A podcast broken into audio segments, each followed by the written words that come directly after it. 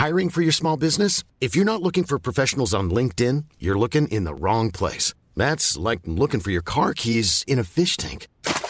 LinkedIn helps you hire professionals you can't find anywhere else, even those who aren't actively searching for a new job but might be open to the perfect role. In a given month, over 70% of LinkedIn users don't even visit other leading job sites. So start looking in the right place. With LinkedIn, you can hire professionals like a professional. Post your free job on linkedin.com slash people today.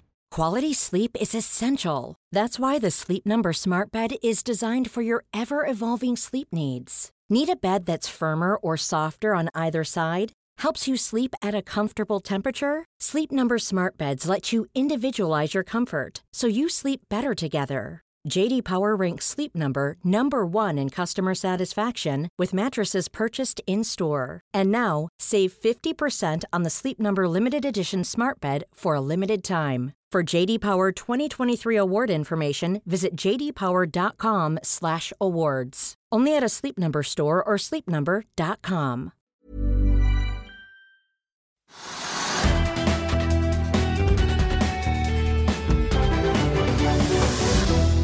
Hei og velkommen til Økonominyhetene. I dag har vi med oss Helge André Martinsen, som er oljeanalytiker i DNB.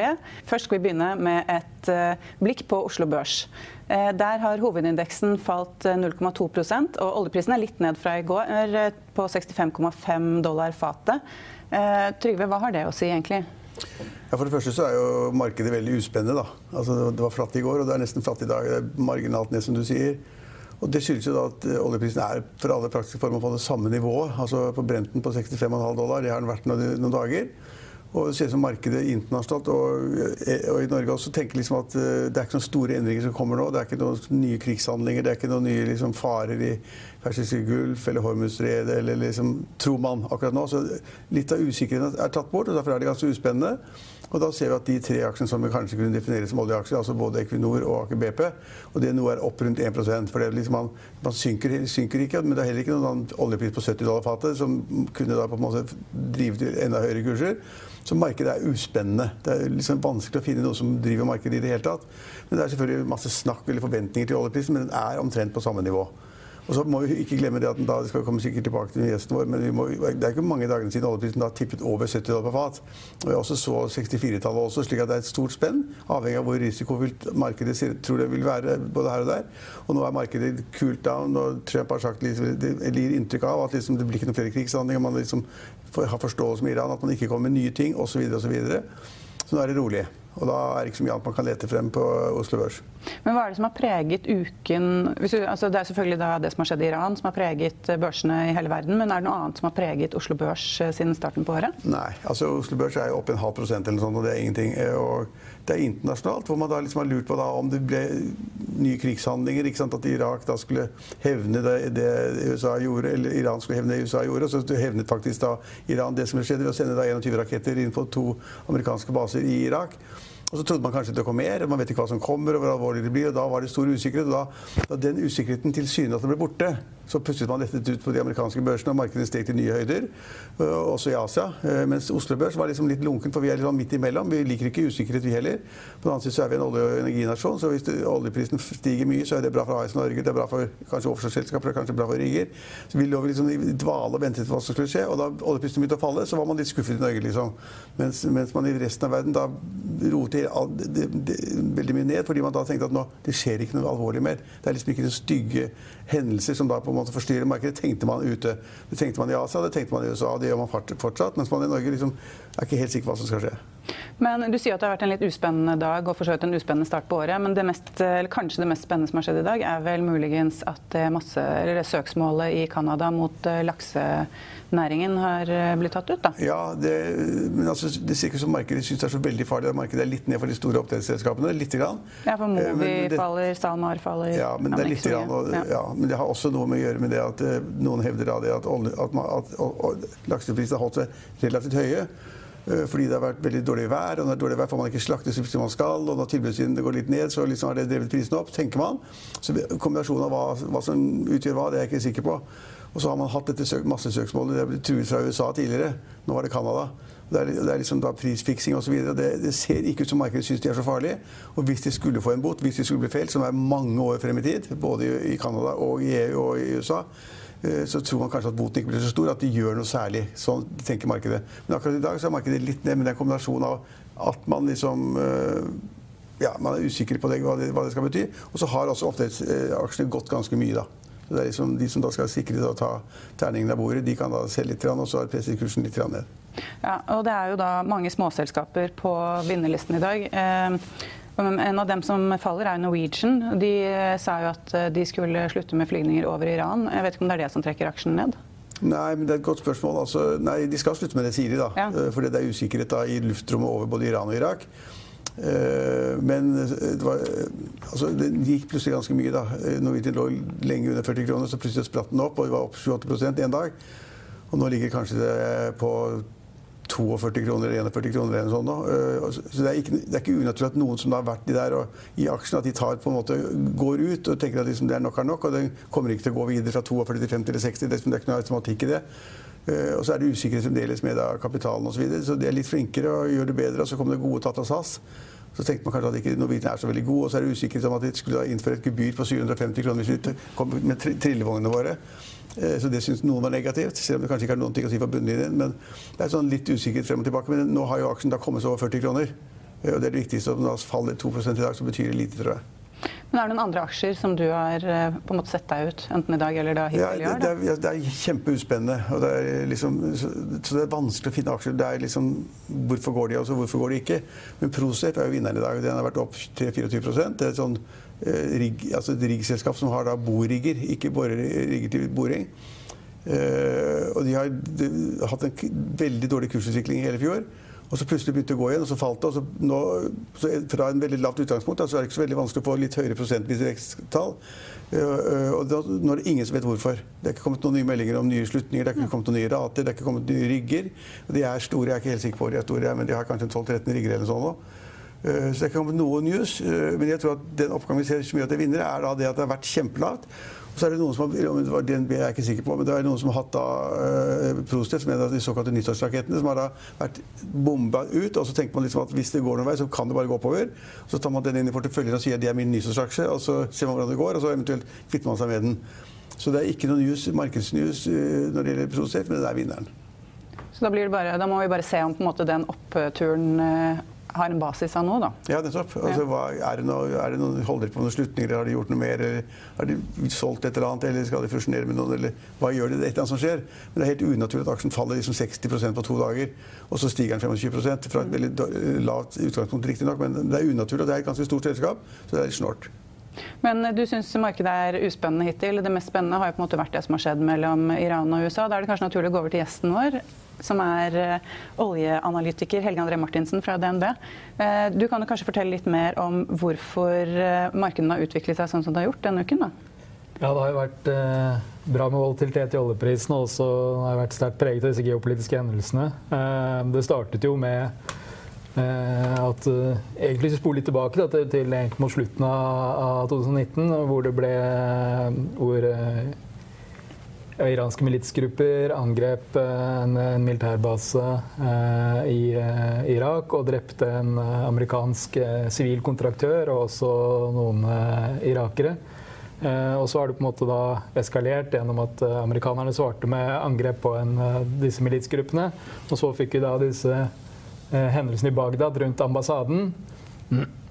Og så kom man til punkt hvor amerikanerne følte at vi måtte sette en strek i sanden. For dette her har jo på en måte Altså Vi tenker på at det er noe som har skjedd nå, men dette her, vi må egentlig spole lenger tilbake. Vi må spole helt tilbake til 2018, når uh, Trump trakk seg ut av atomavtalen, gjeninnførte sanksjoner mot Iran. Eh, og begynte å kvele oljeeksporten deres. Da, da, da, satt han det inn i et vanskelig hjørne. ikke sant? Og så hadde vi gjennom fjoråret hadde vi angrep på skip i Persiabukta, i Omanbukta. Kulminerte det med, med angrepet på, på oljestasjoner i, i, Saudi. Så man har strukket strikken lenger og lenger og lenger. Og så, og så, svarte USA med å ta ut eh, general Soleimani. Eh, og da, eh, da begynte oljeprisen å stige. Eh, og så, som Trygve var inne på, så, så fikk jo oljeprisen eh, brent den over 70 dollar. Eh, I etterkant av svaret fra Iran da, med, på, med dette, disse missilangrepene som kom. Men det paradoksale var jo at dette missilangrepet Vi lever i en, vi lever i en forskrudd verden når et missilangrep er en utstrakt hånd om deeskalering. Eh, men, men, det var det det var, ikke sant? fordi at eh, dette angrepet var forhåndsvarslet. Vi fikk, vi fikk evakuert basene. Eh, materielle skadene på basene var begrensa. Og Trump brukte da sant, anledningen til å deeskalere. Svarte ikke på angrepet sa klart og tydelig i talen at uh, han ville aldri tillate Iran å få atomvåpen. Men samtidig, ikke sant, uh, sluttmålet til Trump er jo å få en avtale med Iran.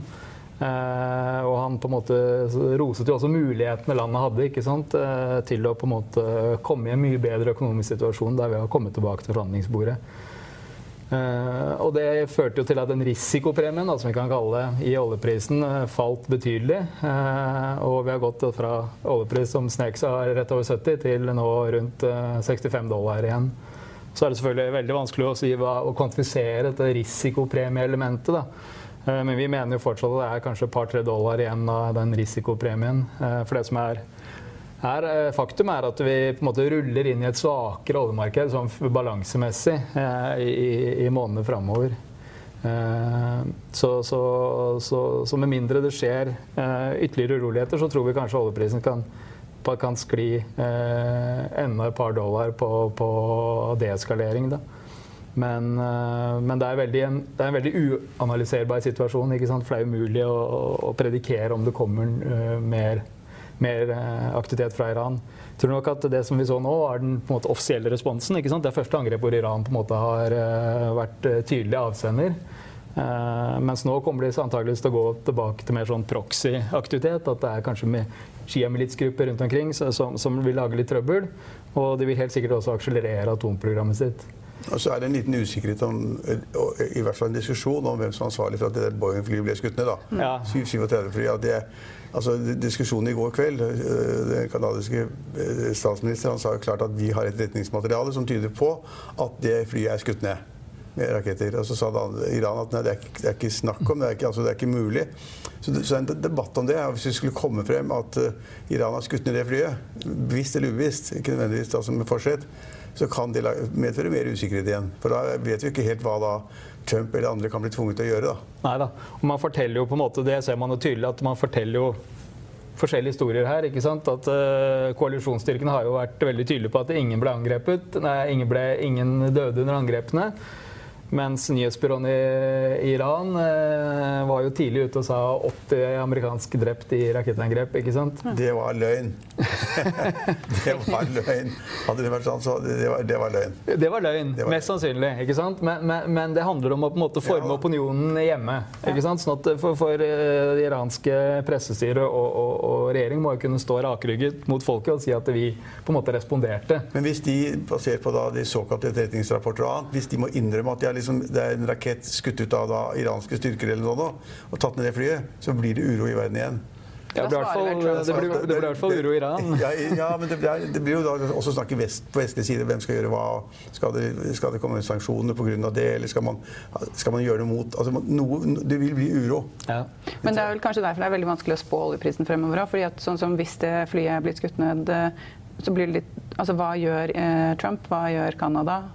Eh, jeg vet ikke helt hvordan, hvordan, hvordan kan dere legge inn dette her? Det satt jo flest iranere på det flyet. sånn at det, at det, skal være skutt ned fra Iran, det kan godt hende, men, men, da tror jeg mest sannsynlig at det er en ulykke. Ja. Uh, og, ikke, ja, og ikke en villet hendelse. Uh, og i så fall så, så, så, så på en måte Eh, kan det være med kanskje å eskalere noe uro, men jeg tror det vil ha relativt lav påvirkning på, på oljeprisen. Men det angrepet på uh, Soleimani det var jo ikke uh, hva skal man si, forankret så veldig mange andre steder enn hos Trump. virker Det som. Det, var, det kom i hvert fall ganske uventet på den mange amerikanske politikere. derfor må det jo også være litt vanskelig å spå oljeprisen fremover, fordi du vet jo egentlig aldri hva som skal skje. Nei, altså det er jo å være oljeanalytiker. Det er på en måte å være litt sånn spåmann. ikke sant? Og det er litt heksekunst, for det er mye oppi den oljemarkedsgryta. ikke sant? Og det varierer. Noen ganger er det fundamentaler, noen ganger er det politikk. Og så er det på en måte, som vi ser da, krigshandlinger. og så er det OPEC-beslutninger som, som preger både markeder og pris. Men det er nok olje i verden?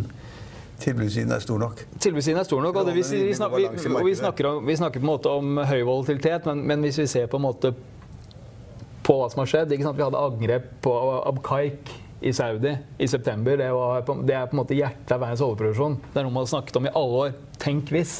Tenk hvis Saudi ble angrepet, og de tar ut Abkaik. Og så skjedde det. Så oljeprisen opp 10 dollar på maks, og så sklei den raskt tilbake. Og samme nå, ikke sant. Eh, vi, vi, hadde eh, Trump eh, tok ut Soleimani, og, og, du fikk Iran-respons, og, og oljeprisen var kanskje opp fem dollar.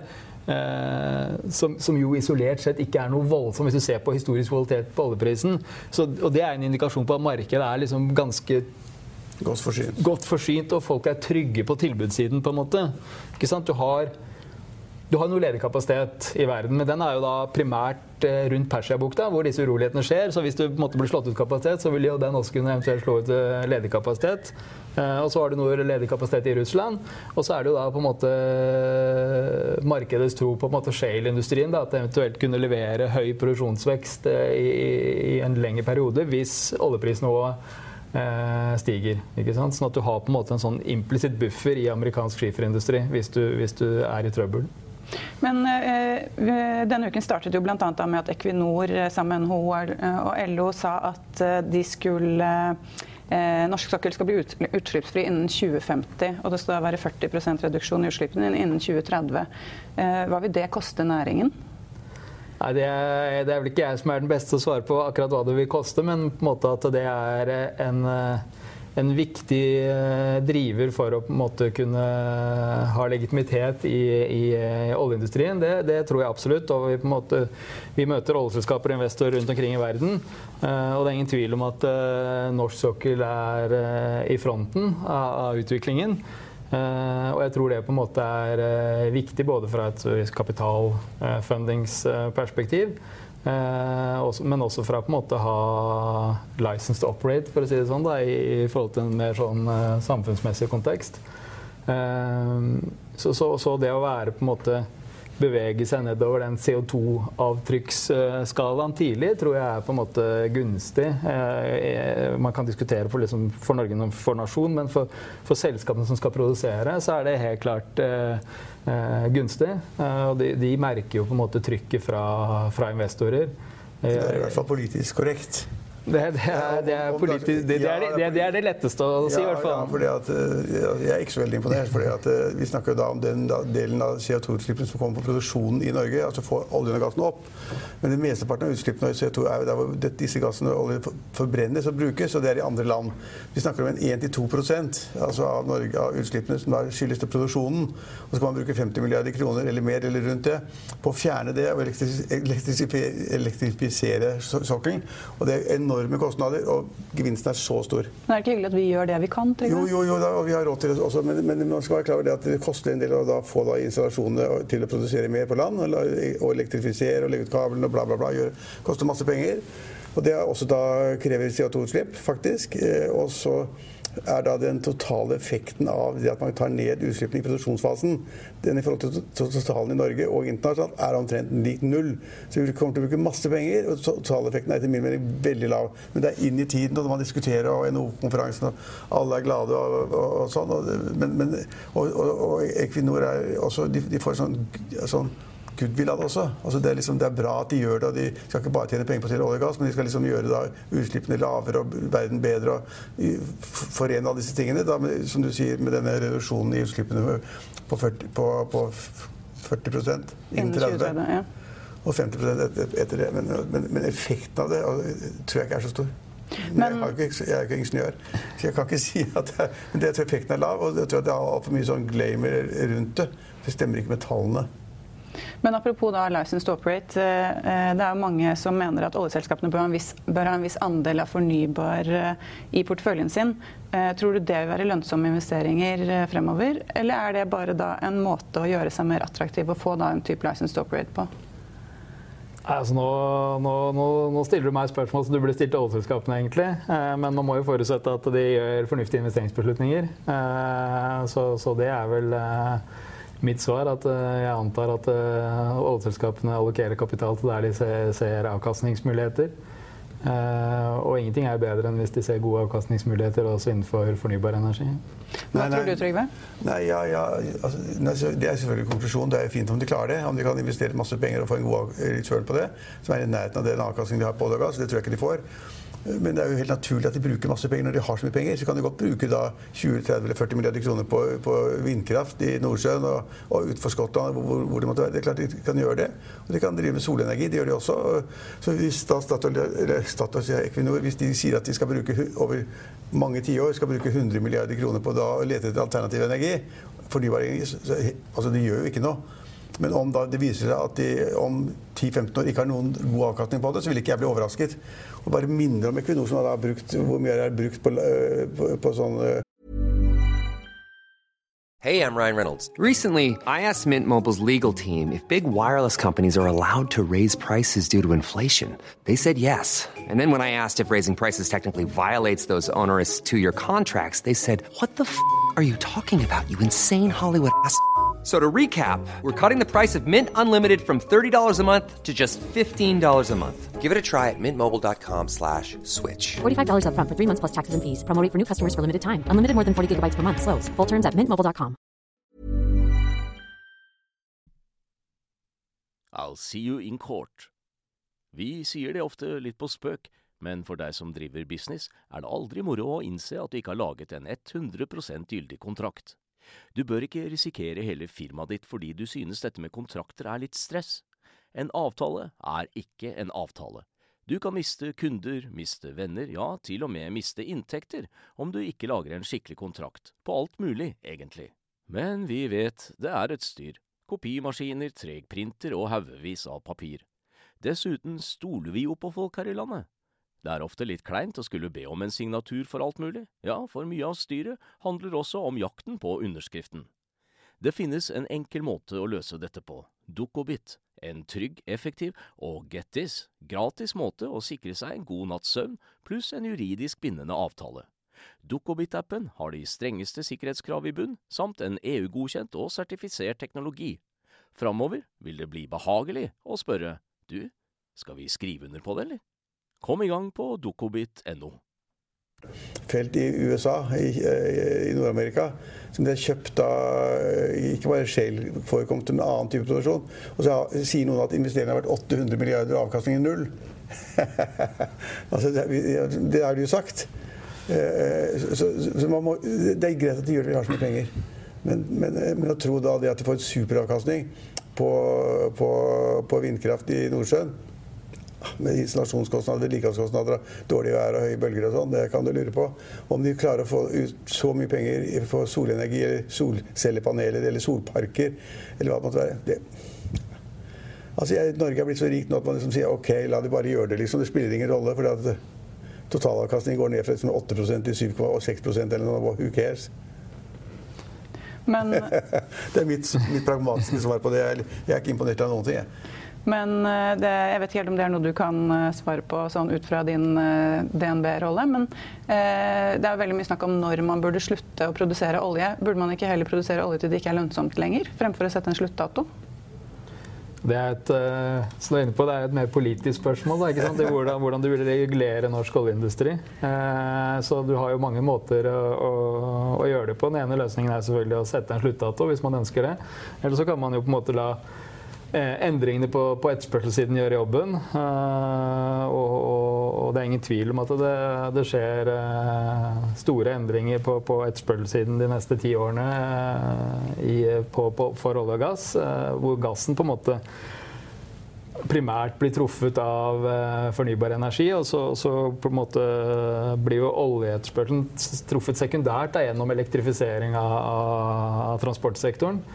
Og sånn sett så på en måte snakker man jo De fleste ligger jo nå inne med sånne peak or demand-scenarioer. Med, med, peak or demand kanskje innen 2030, rundt 20, 2030.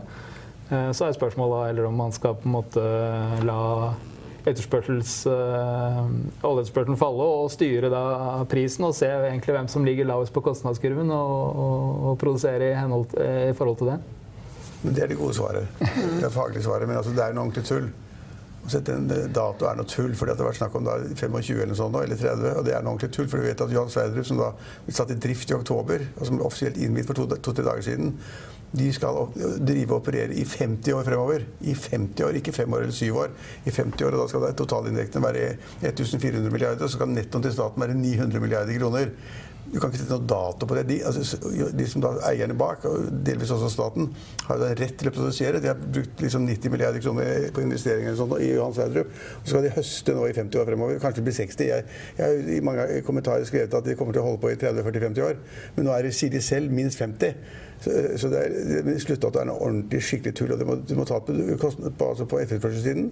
Og så må du ta det på kostnadene på å, lage, å drive, drive oljen ut. Hvis du innfører nye da, eh, avgifter eller skatter på produksjonen, da, eller, eller da inn i EU at får, det er dyrere å produsere osv. være innenfor dette markedet, så blir det dyrere. blir det vanskelig for produsenten å tjene penger, og så vil det automatisk da etter produksjonen svinne hen etter hvert.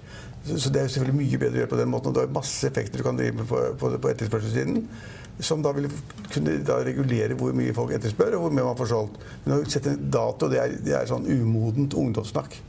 Men du er, du, er, du, er, du er, inne på et interessant element her ikke sant, i forhold til eh, rammebetingelser, skattebetingelser. For hvis man på en måte trekker de lange, de lange trådene her og ser på, på en måte en peak oil demand og forventer liksom en fallende oljeetterspørsel, så er det jo på en måte så blir det blir en konkurranse da, globalt. Hvem kan tilby olje til lavest pris? Eh, og da er jo, sant, Oljesektoren er jo en, en sektor som har generelt et veldig høyt skattenivå. Sånn vi, når vi snakker om break-even, snakker vi om break-even etter skatt. Så, så, de ulike regionene, landene, har jo store muligheter til å, til å justere seg på, på, kostnadskurven, avhengig av hvordan de justerer rammebetingelsene. Sånn at Uh, Shale versus uh, norsk sokkel mot uh, Vest-Afrika, mot Midtøsten. Altså det, det, det, bildet kan endre seg ganske betydelig, hvis du avhengig av hvordan de ulike landene velger å, å, å, ja, kjøre sine, sine skattebetingelser i forhold til sektoren. Men så kan det også tenkes at norsk olje gass eller olje altså er veldig populær om 10-20-30 år fordi den angivelig da produseres med lavere CO2-utslipp per per, per tonn eller, fa, eller, fat, eller hva man måtte si. Og hvis det er sant, jeg vet ikke, De sier jo det. Erna Solberg sa det, og Equinor sier det selv osv. At de produserer da olje som da har et veldig lavt utslipp av CO2 når de driver med det. Og Hvis det er sant, så kan man godt tenke seg 30 år frem i tid at norsk olje er mer konkurransedyktig enn all annen. annen olje da har større utslipp, og de vil da blir nektet å selge den eller produsere eller hva som helst. Så det lille, lille det vi produserer i Norge, har en kjempeetterspørsel ute i markedet. For man får ikke lov å kjøpe annen, tung, annen tungolje med mye større svovelinnhold eller store CO2-utslipp osv. Så, videre. så kan man tenke at det da noen mener er at liksom, det er ulønnsomt å drive norsk olje. Man kan like å stenge det med en gang, for om 20-30 år så, lov, så, er det ikke etterspørsel. Det kan tenke det motsatte. Om 30-40 år så er det kjempeetterspørsel etter norsk olje, norsk olje og gass. Kanskje. Ikke vet jeg. Kanskje. Så jeg vil ikke liksom da liksom trukket meg ut av næringen fordi da ingen vil ha vår olje og gass om 30-40-50 år. Kanskje vi er mer etterspurt enn noen gang, hvis det er sant at, da, at oljen i miljøsammenheng er bedre enn annen olje. Men da burde man kanskje i hvert fall ikke trappe ned på investeringene, da. Hvis det skjer, altså investeringene går nedover, hva vil det ha å si? Må man på en måte trappe opp for å holde det i gang? Altså markedet, tenker jeg. Er du, på, er, du, på, Norge nå, eller? Jeg er på Norge. Ja, altså nå forventer jo, eller Oljedirektoratet forventer jo en litt sånn eh, at oljeinvesteringene faller litt tilbake i årene framover. Holder seg relativt bra i, i år. Og så og sklir litt ned de neste årene. Men det er jo liksom en effekt er på en måte porteføljesammensetningen på, på norsk sokkel. ikke sant? At nå har vi lagt en del store utbygginger bak oss. Uh, og vi er, uh, skal gjøre ferdig uh, Sverdrup fase to. Og så, så, så, ser det på en måte litt tynnere ut i forhold til de store utvinningsprosjektene. Du har vist inn i Barentshavet. og også denne prosjektet som Equinor og Aker BP har vært i mediene og kranglet litt om, eh, rundt eh, dette Alvheim og Krafla og Asja-området, eh, som, som, er en potensielt stor områdeutbygging. Men vi er liksom avhengig av altså Sånn er det alltid i oljeindustrien. At du stort sett er avhengig av at den Hvis du, hvis du ser en investeringsforventning, så er de alltid fallende, og så kommer det nye funn, og så på en måte fyller du opp gapet. Men, men det er ingen tvil om at du ser på leteresultatene i Barentshavet, eh, hvor man på en måte tror at den dominerende andelen av norske ikke-påviste ressurser befinner seg, så har de vært ekstremt skuffende ja. Eh, i over mange år. Eh, det er, det er, et veldig godt poeng. og Derfor sier noen at det kan bare fortsette å leve og tule, lete tule for Barentshavet, for det finner de ikke noe. Bare, det kan tenkes igjen, jeg kommer tilbake til alternativer, det kan tenkes at man plutselig finner da, et Sverdrup til i Barentshavet. Og da har vi gående ti års forberedelser og installeringer og bla, bla, bla. Etter ti år så kan du kanskje begynne å produsere, og så kan du produsere i 50 år til. Da er vi 60-70 år frem i tid, da, hvor da norsk oljeindustri vil blomstre.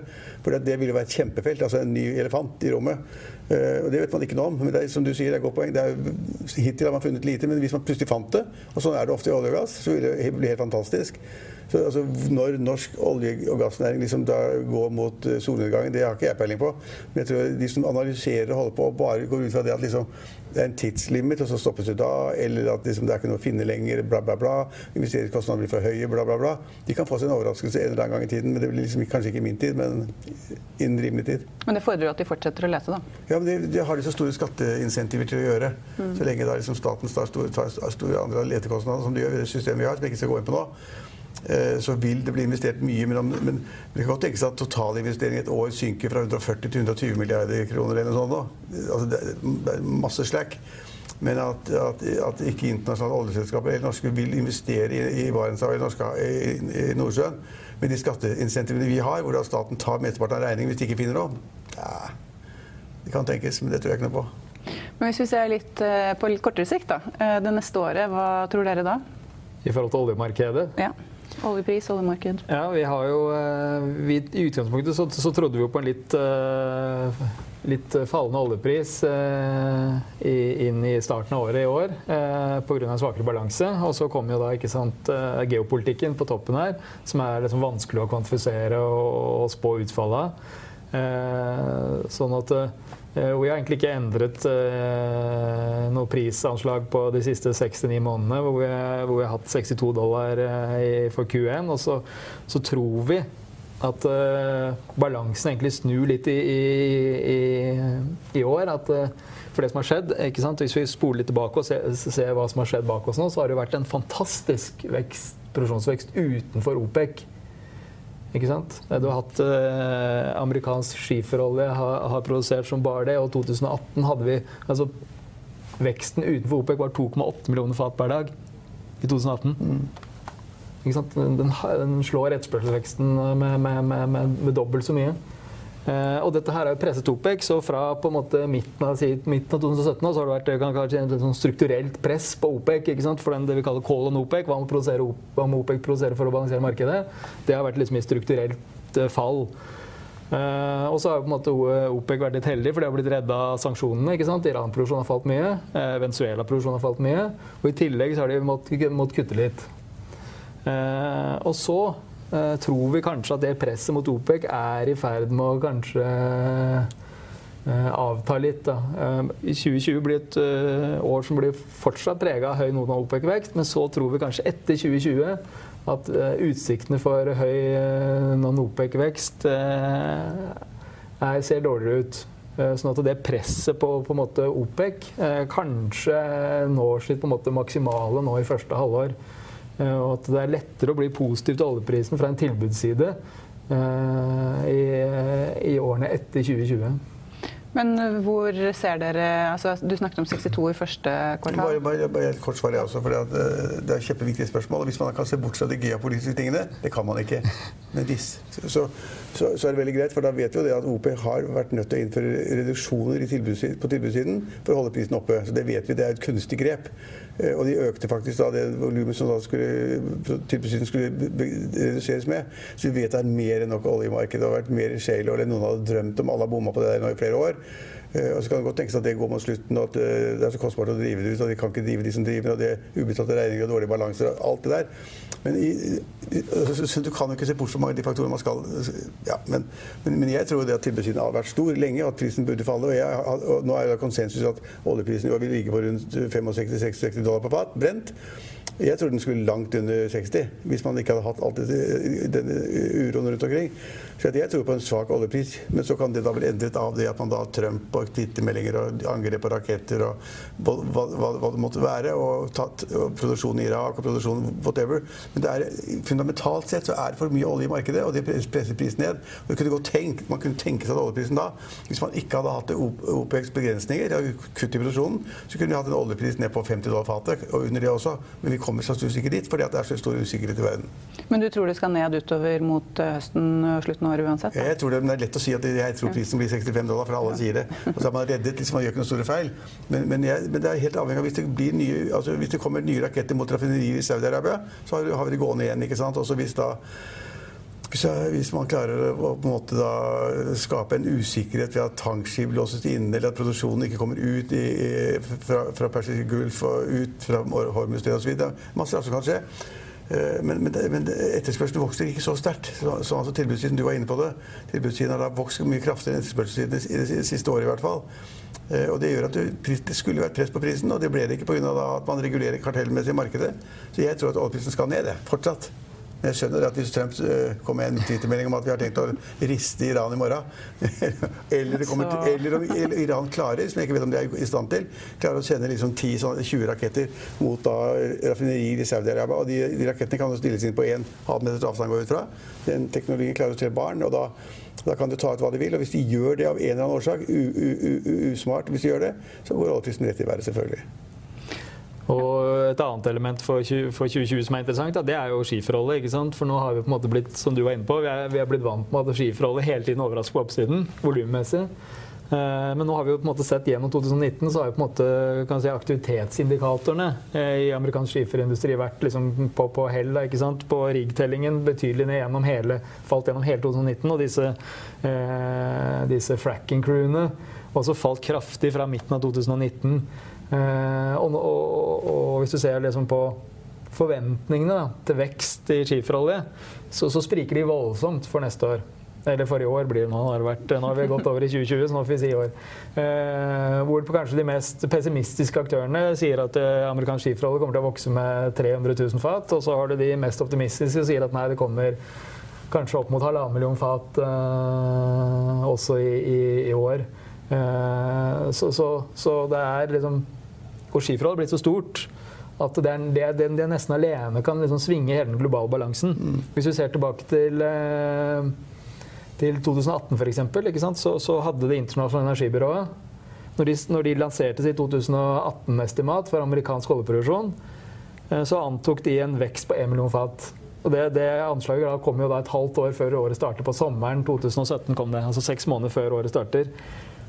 Eh, de hadde 1 million fat estimat, og amerikanerne leverte 2,2 millioner fat vekst. Ikke sant?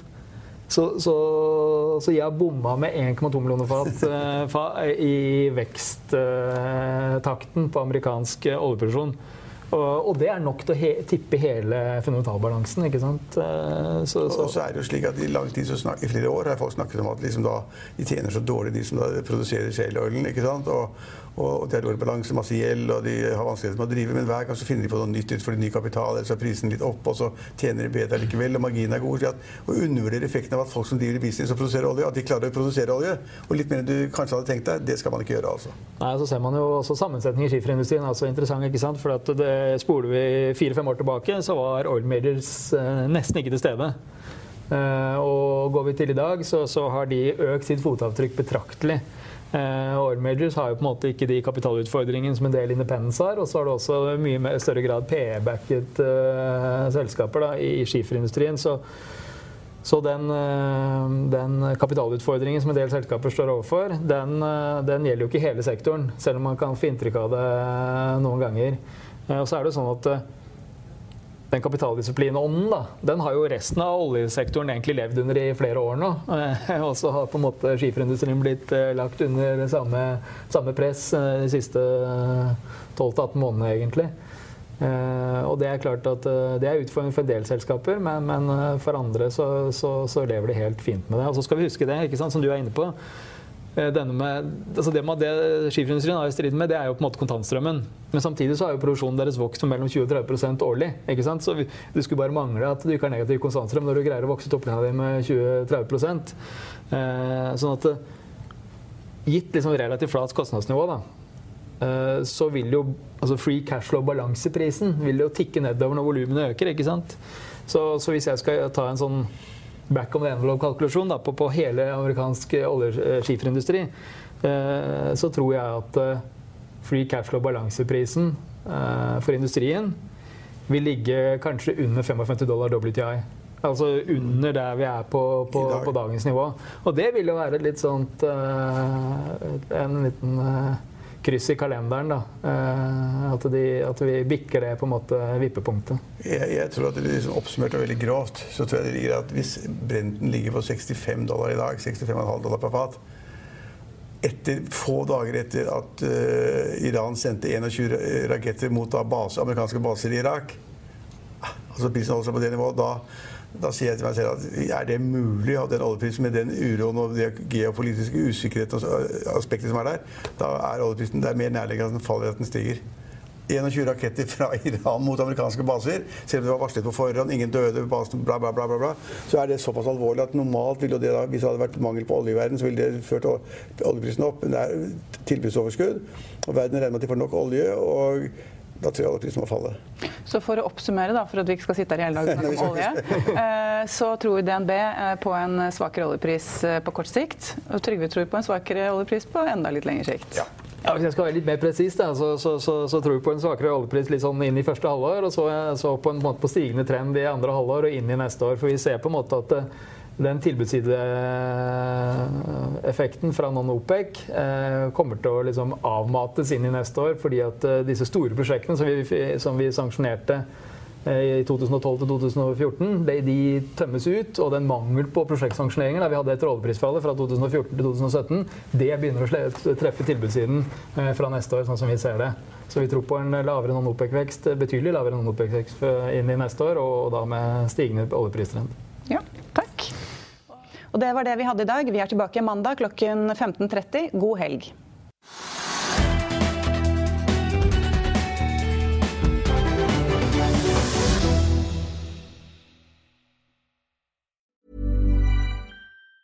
Even on a budget, quality is non-negotiable. That's why Quince is the place to score high-end essentials at 50 to 80% less than similar brands. Get your hands on buttery soft cashmere sweaters from just 60 bucks, Italian leather jackets, and so much more.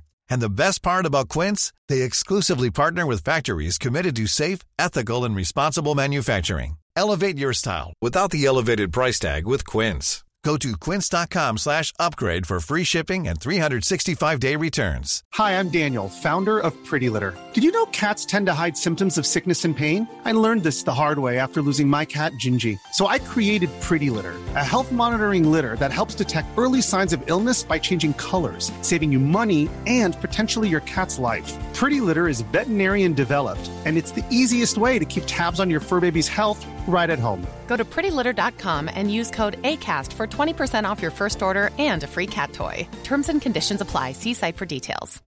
When you need mealtime inspiration, it's worth shopping Kroger, where you'll find over 30,000 mouthwatering choices that excite your inner foodie. And no matter what tasty choice you make, you'll enjoy our everyday low prices, plus extra ways to save, like digital coupons worth over $600 each week. You can also save up to $1 off per gallon at the pump with fuel points. More savings and more inspiring flavors make shopping Kroger worth it every time. Kroger, fresh for everyone. Fuel restrictions apply.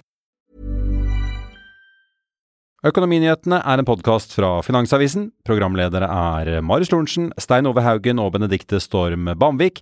Produsenter er Lars Brenden Skram og Bashar Johar. Og ansvarlig redaktør er Trygve Hegnar.